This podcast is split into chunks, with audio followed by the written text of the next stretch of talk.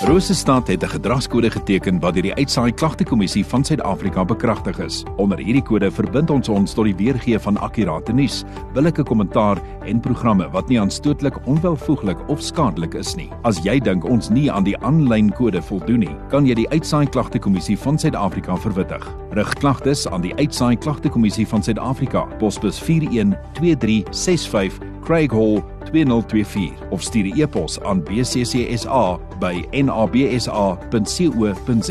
Vir verdere inligting, besoek www.bccsa.co.za.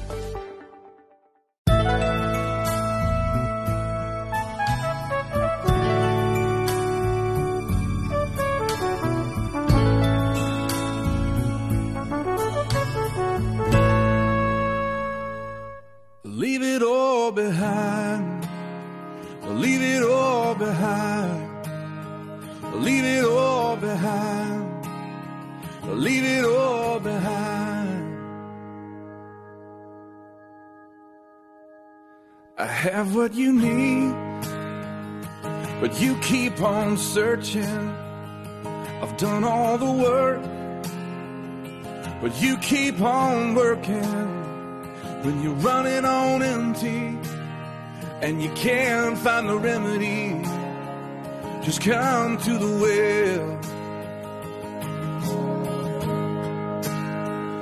Can spend your whole life chasing what's missing, but that empty inside it just ain't gonna listen when nothing can satisfy and the world leaves you high and dry. Just come to the well. And all who thirst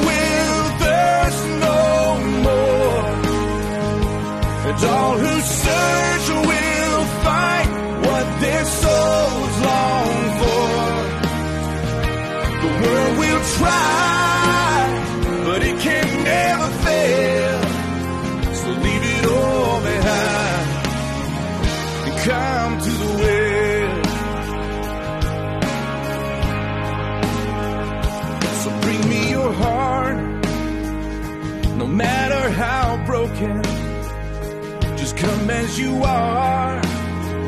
When your last prayer is spoken, just rest in my arms a while. You'll feel the change, my child when you come to the well. And all who thirst will thirst no more. And all who search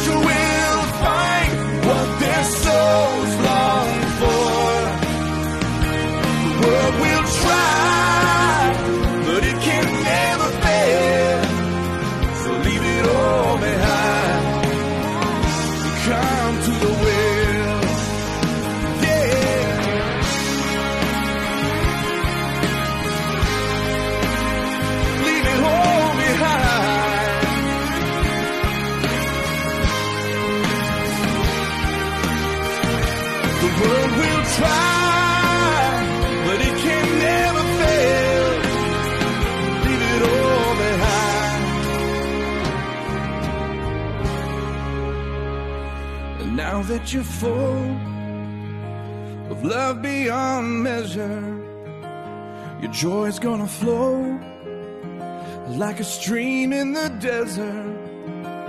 Soon all the world will see the living water is found in me. Cause you come to the well. Yeah.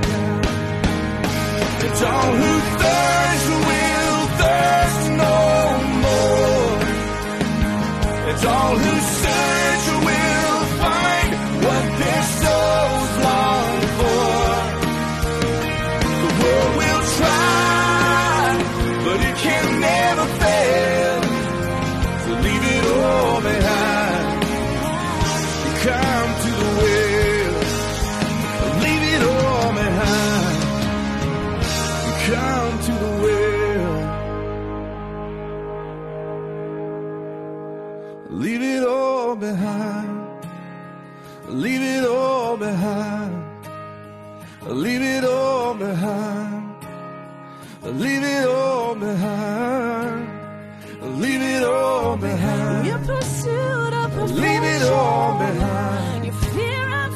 of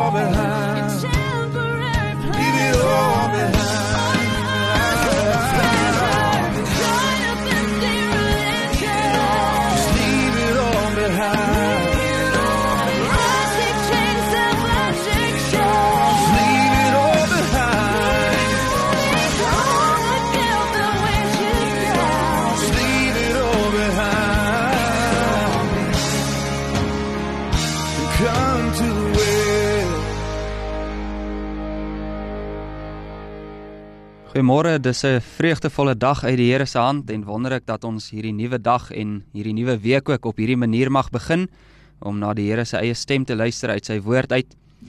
Maar kom ons begin deur eers stil te word en ons bid vir die Here se seën en dat hy met ons sal wees. Here ons Vader, ons dankie dat ons vanoggend weer u woord mag hoor en ons dankie dat ons op hierdie dag saam met medegelowiges bymekaar mag kom om u te loof en te prys vir al u werke. Daar is van ons wat nie kan nie, weens ouderdom en siekte. U ken ons tot in die diepte binneste van ons wese. Maar ons dankie dat ons ook op hierdie manier nou mag luister na wat u sê.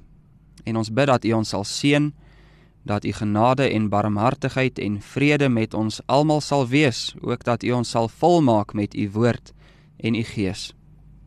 Ons bid Vader, laat die woorde van my mond en die oordeenking van ons harte aanneemlik wees voor U aangesig, o Here, ons rots en ons verlosser. Amen. Ons gaan vanoggend luister na die Here se woord uit die boek Deuteronomium, hoofstuk 19. Maar voor ons saam lees, net 'n opmerking om in gedagte te hou. Die boek Deuteronomium gaan oor die volk Israel kort voordat hulle in die land Kanaan wat God aan hulle beloof het ingetrek het. En daarom vind ons in hierdie boek baie verskillende wette oor hoe die volk in hierdie land wat die Here vir hulle gee, moet lewe. Hulle hele bestaan moet bekend maak God woon onder ons, ons is sy volk, ons wil hom dien en lief hê en aanbid op daardie grond wat hy vir ons gee. En in Deuteronomium 19 lees ons van sulke wetgewing oor 'n baie spesifieke saak. Maar die wonder vir ons om te sien hoe die Here homself hierdeur aan ons bekend maak. Ons mag hom ken en ook uit dit wat ons van hom ken mag ons uitlewe ook in ons eie bestaan van elke dag. Nou kom ons lees so saam Deuteronomium 19 vers 1 tot 13. As die Here jou God die nasies uitroei wie se land die Here jou God jou sal gee en jy hulle uit hulle besitting verdrywe en in hulle stede en in hulle huise woon dan moet jy vir jou 3 stede afsonder in jou land wat die Here jou God jou sal gee om dit in besit te neem. Jy moet vir jou die pad regmaak en jou grondgebied wat die Here jou God jou laat erwe in 3 dele verdeel sodat elkeen wat 'n doodslag begaan het, daarheen kan vlug. En dit is die saak van hom wat 'n doodslag begaan het wat daarheen vlug dat hy kan lewe. Hy wat sy naaste sonder opset doodslaan terwyl hy hom van gister en eergister af nie vyandig was nie. En hy wat saam met sy naaste in die bos gaan om hout te kap en sy hand swaai met die byl om die boom af te kap en die eister glip van die steel af en tref sy naaste sodat hy sterwe, hy moet in een van hierdie stede vlug om in die lewe te bly, sodat die bloedwreker hom wat 'n doodslag begaan het, nie agtervolg as sy hart verhit is en hom inhaal, omdat die pad lank is en hom doodslaan nie, terwyl hy die dood nie verdien het nie, omdat hy hom van gister en eergister af nie vyandig was nie. Daarom gee ek jou bevel en sê drie stede moet jy vir jou afsonder.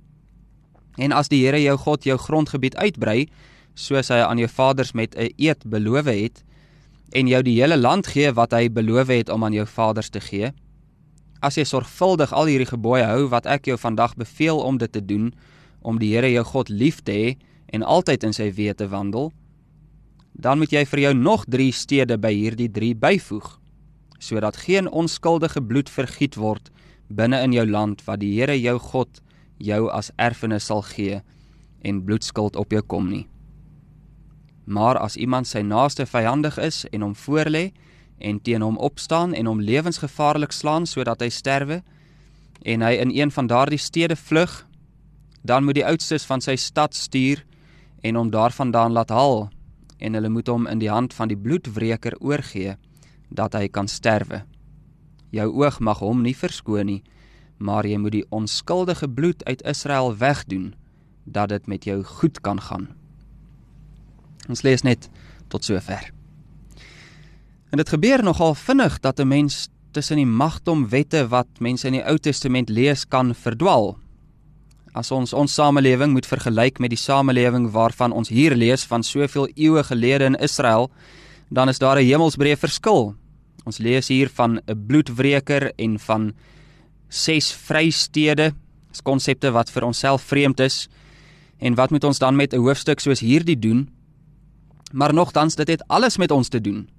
Want die Here self het dit vir ons in die Bybel gegee. Hy het dit vir ons laat opskryf en bewaar deur eeue heen sodat ons dit vandag ook nog moet lees.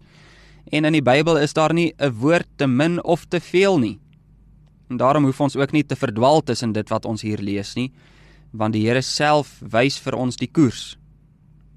Die Here gee vir ons daarom ook twee belangrike sleutels om vir ons oop te sluit waaroor dit hier gaan. Die eerste sleutel is dit wat ons tussen hierdie verse gelees het as die Here sê julle moet hierdie wette onderhou sodat julle vir die Here julle God daardeur sal lief wees. Hierdie is nie maar net politieke wetgewing nie. Dis openbaring van God en van God se wil. Die ganse bestaan van die volk Israel moet bekend maak ons het die Here lief. Hy woon onder ons. En daardie liefde vir die Here moet konkreet posvat in hulle dag tot dag bestaan. Nou daar is die raakpunt vir ons ook. Ons hoor in die Nuwe Testament. Ons moet die Here lief hê omdat hy ons eerste lief gehad het en omdat hy ons lief gehad het, moet ons liefde vir hom ook duidelik word in alles wat ons doen, ook teenoor ons naaste soos onsself. En die tweede sleutel om koersvas te luister na dit wat hier staan, vind ons in die Nuwe Testament. In Johannes 5 vers 46 waar ons Here Jesus gesê het: As julle Moses glo, sou julle my glo, want hy het van my geskrywe. En Moses, hy was die menslike outeur van Deuteronomium 19 gewees. Maar nou hoor ons hy het oor niemand anders geskryf as Jesus Christus self nie. Elke liewe letter in hierdie hoofstuk van vrystede en bloedwrekers gaan oor Jesus Christus en die evangelie van verlossing deur Jesus Christus en die evangelie wat ons wat nou luister glo.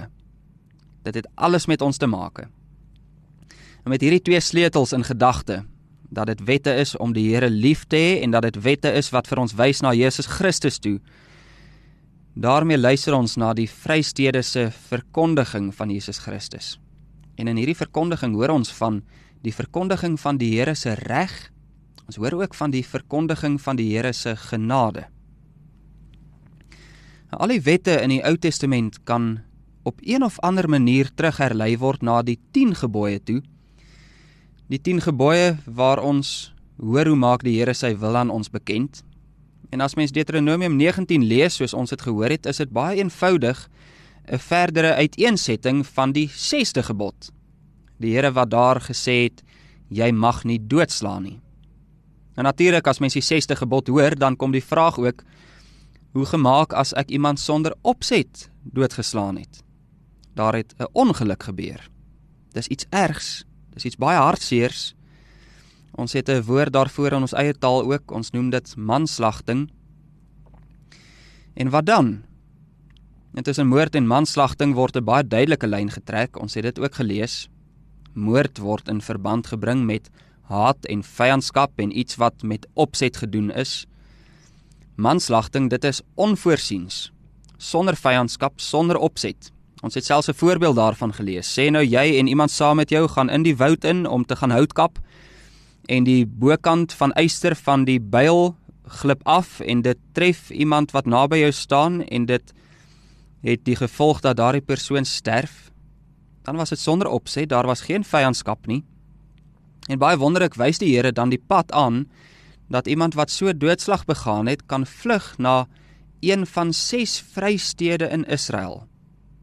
Nou as daardie persoon na daardie stad toe vlug, dan moet daar 'n hofsitting plaasvind en daar moet geoordeel word was die doodslag moord of was dit inderdaad 'n ongeluk?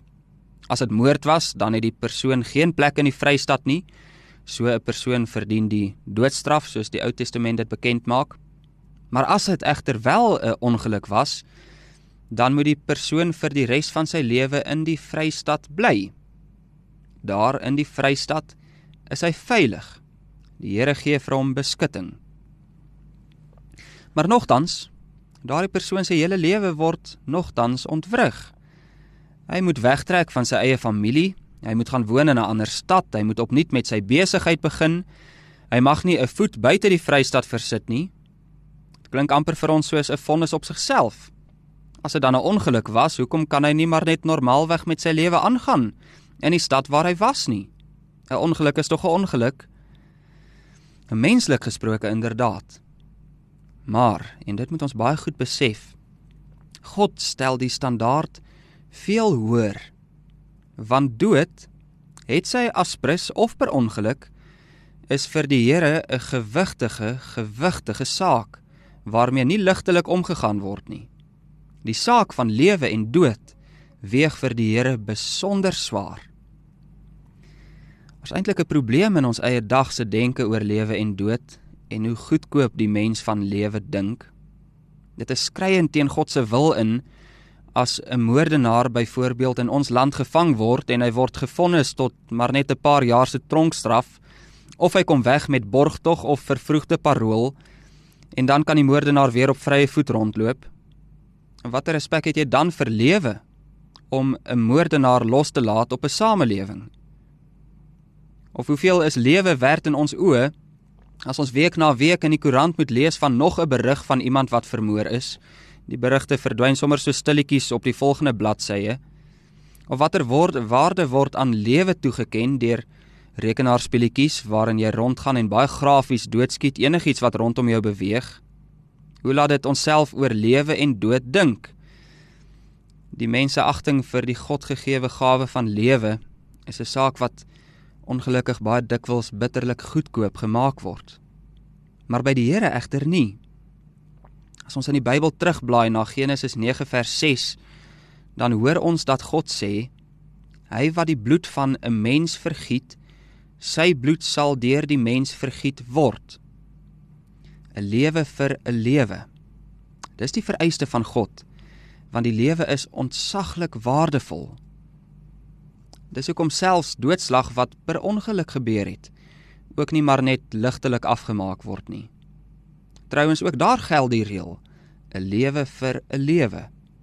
Daarom het ons 'n paar keer hier gelees van 'n bloedwreker. Dis 'n interessante woord.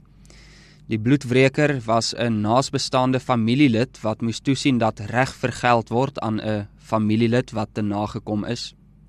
Daar was nie polisie in Israel wat geregeer het as 'n moord gepleeg is en hulle het toegeslaan om reg te laat geskied nie. Die familie was in 'n sekere sin die geregsdienaars gewees. En in die geval van Deuteronomium 19 dus 'n familielid is dood en die bloedwreker, dit is sy taak, hy moet toesien dat die dood reg vergeld word. En daardie persoon het die reg gehad as hy daardie persoon teekom wat verantwoordelik is vir die dood van sy familielid, mag hy hom doodmaak. 'n Lewe vir 'n lewe. Doodslag, het sy aspres of per ongeluk, is 'n gewigtige saak. En wat dit so erg maak, is omdat dood so 'n direkte en konkrete gevolg van die sondeval is. As die mens nie in sonde geval het nie, sou daar nooit dood gewees het nie. In Romeine 6 vers 23 hoor ons die loon van die sonde is die dood. Dood is so erg want sonde is so erg en sonde is so erg want God is so regverdig. Nou met dit gesê word hierdie wette van Deuteronomium 19 vir ons oopgebreek. Hierdie wette is in 'n sekere sin 'n lied oor God se reg. God kan die dood nie maar net oorsien nie. Dood hoort nie voor hom nie. En dit is waar die saak van hierdie wette so naby aan onsself ook kom sny. Want ons moet eerlik van onsself ook erken, ook ons eie hande is bevlek met bloed. Miskien nie letterlik nie, maar as ons na die Nuwe Testament toe blaai en Jesus Christus se woorde van Matteus 5 hoor, dan hoor ons hoe hy sê: Julle het gehoor dat aan die mense van die ou tyd gesê is: Jy mag nie doodslaan nie, maar elkeen wat doodslaan moet verantwoording doen voor die gereg. Maar ek sê vir julle dat elkeen wat vir sy broeder sonder rede kwaad is, verantwoording moet doen voor die gereg. Nou in hierdie terme is ons almal moordenaars. Wie van ons is daar wat nog nooit sonder rede kwaad was vir ons naaste nie? Ons hande lyk dalk skoon, maar in wese drup dit van bloed. En in die taal van Deuteronomium 19 Daar is 'n wreker wat die bloed op ons hande wreek. 'n Bloedwreker wat nie maar net nog 'n mens is nie, maar 'n wreker wat God is. En die loon op die sonde is die dood. 'n Lewe vir 'n lewe. Ons het soveel moord op ons hande waar ons ons naaste nie liefhet soos dit hoort nie. En hoe verdien ons dan nie ook self die dood nie? Deuteronomium 19 sing van God se reg. En hy laat sy reg geld in alle gevalle. Voor sy reg staan ons skuldig, ons verdien sy wraak. Maar tog stop dit nie daar nie. Allermins want God is nie net regverdig nie. Hy is ook genadig. En onder die diep indruk van sy reg mag ons ook onder die diep indruk kom van sy genade soos daardie vrystede ook dit verkondig.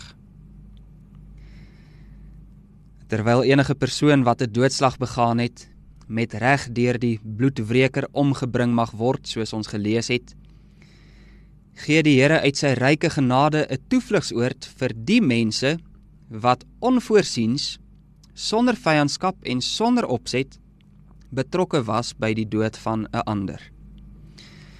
Ons sien hier in hoe die Here se wet op sigself ook genadig is. Die Here skep ruimte om daardie persoon te bewaar. Daarom moes die volk Israel 6 stede afgesonder het. Sê 3 stede aan elke kant van die Jordaanrivier. En enige persoon moet maklik by een van daardie stede kan kom. In Joshua 20 dan lees mens hoe hierdie stede inderdaad ook afgesonder word. Nou ons vertaling van hierdie stede as vrystede is 'n mooi vertaling. In daardie stad is die persoon vry Daar hoef hy nie te vrees vir die bloedwreker nie. Maar ons kan hierdie stede egter ook vertaal as toevlugstede. Jy vlug dus, jy hardloop vir jou lewe totdat jy by daardie plek kom waar jou toevlug is en dan is jy veilig. En dis presies hierin hoe daardie vrystede 'n vinger was wat ons oë laat kyk na Jesus Christus toe. Dit is asof hierdie vrystede in die Ou Testament 'n prentjie moes wees van die vryheid en die toevlug wat ons in die Nuwe Testament by Jesus Christus moet neem. Want hier is ons, soos ons sopas gehoor het, moordenaars met soveel bloedskuld op ons hande en die wreker is God self. Maar dan is dit die genade dat God wat die wreker is, te gelykertyd ook vir ons 'n verlosser gee. Die een wat die sonde moet wreek, is die een wat vir die sonde kom betaal. Dit gebeur deur Jesus Christus. Die dood van sy seun word ons dood en die lewe van sy seun word ons lewe. 'n Lewe vir 'n lewe. En Christus betaal dit met sy lewe in ons plek. Dis wat gebeur het aan die kruis sodat ons mag leef. Is genadig dat die een vir wie ons eintlik moes wegvlug ons toevlug geword het. Dat die een wat ons moes wreek ons vryheid geword het. Christus alleen Ons kan self sê Jesus is ons vrystad. Ons het vandag nie meer 6 vrystede hier in Suid-Afrika nie. Maar dit mag ons weet, ons het een vrystad, 'n volmaakte een, Jesus Christus. Hy is ons toevlug en ons beskutting en elkeen wat in hom ingeplant is, hoef nie te vrees vir die regverdige wraak wat ons toekom nie. Genadiglik nie. En met dit gesê word daar wel vir ons ook 'n baie duidelike lyn getrek. Soos wat daar 'n baie duidelike lyn getrek is vir die Israeliete wat in die vrystede moes skuil. Wie binne die vrystad is, is veilig. Wie buite die vrystad is, is nie veilig nie. En ook dit moet ons sien in verband met Christus. Elke liewe mens staan voor die regterstoel van God, of jy dit nou dink of nie. En daar is slegs een van twee moontlikhede. Of jy is in die vrystad waar jy toevlug is, of jy is buite die Vrystaat waar jy ewige gevaar loop. Of jy is in Christus waar jy vergewe is, of jy is buite Christus waar jou sondes gewreek sal word. Jy is of vry of verlore. Jy kan nie met een voet in die vrysat staan en met nog 'n voet daar buite nie. En daarmee kom 'n belangrike oproep tot ons. Ons word opgeroep om ons toevlug by Christus alleen te neem. Soos daardie Israeliete wat 'n doodslag onskuldig begaan het, nie gras onder hulle voete laat groei het om in die vrystad te kom nie, so talm ons ook nie om te gaan skuil by Jesus Christus nie. Die Heilige Gees dryf ons na Christus toe met ons sondes en met ons skuld, maar om daar by hom te gaan skuil. En ons mag by hom toevlug vind. Ons bely voor hom alles wat in onsself verkeerd is. Ons ontvang sy vergifnis en ons leef dan ook vry uit sy vergifnis uit. Veral ook dit. Ons leef daaruit. Vanuit hierdie wette wat ons gehoor het, is ons gewys op Christus. Vanuit Christus word ons ook weer gewys op die ware inhoud van hierdie wette. Vanuit Christus moet dit ook by ons konkreet duidelik wees ons het die Here lief. Dit moet veral onder ons duidelik raak oor hoe ons dink oor lewe en dood. As Christus ons lewe is, dan gaan ons tog anders oor hierdie lewe dink. Lewe is 'n geskenk van God. Vanaf die ongebore babietjies tot die kleinste kindertjies tot die oudste mens, lewe is kosbaar. Vanuit Christus rig God ons deur sy wette eenvoudig om hierdie kosbare lewe te beskerm. Dis waarvoor die vrystede daar was, maar dan moet dit met ywer en erns beskerm word. Ons leef in 'n wêreld wat op baie plekke anti-lewe is. Lewe word so goedkoop gemaak asof die mens self die reg het om uit te maak wanneer is lewe kosbaar en wanneer nie.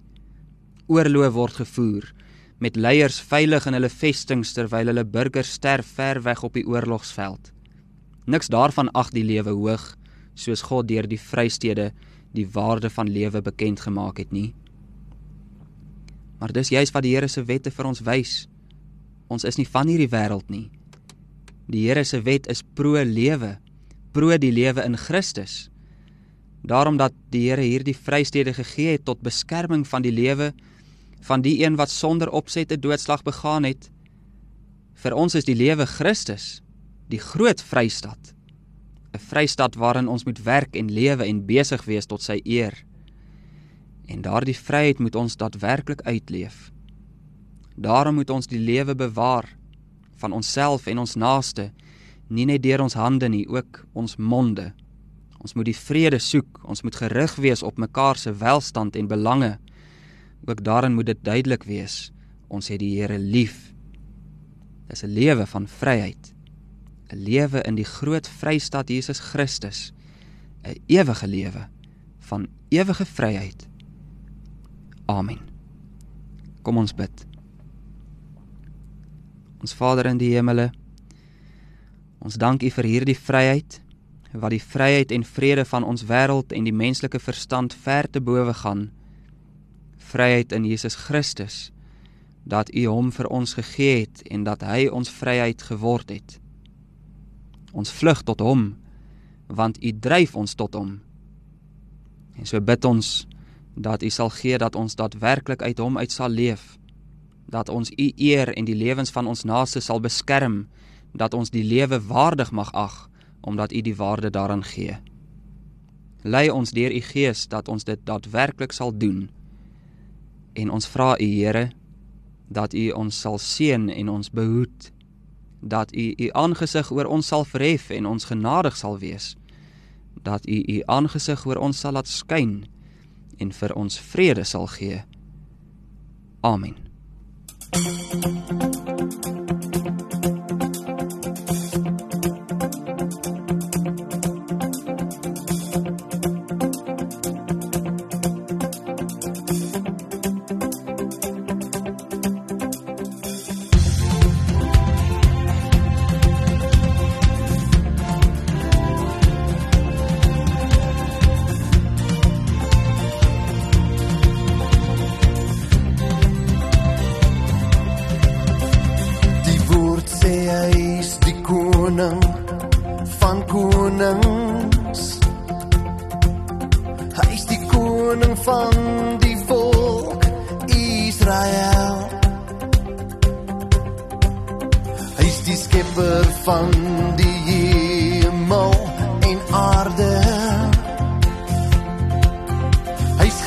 geregtigheid en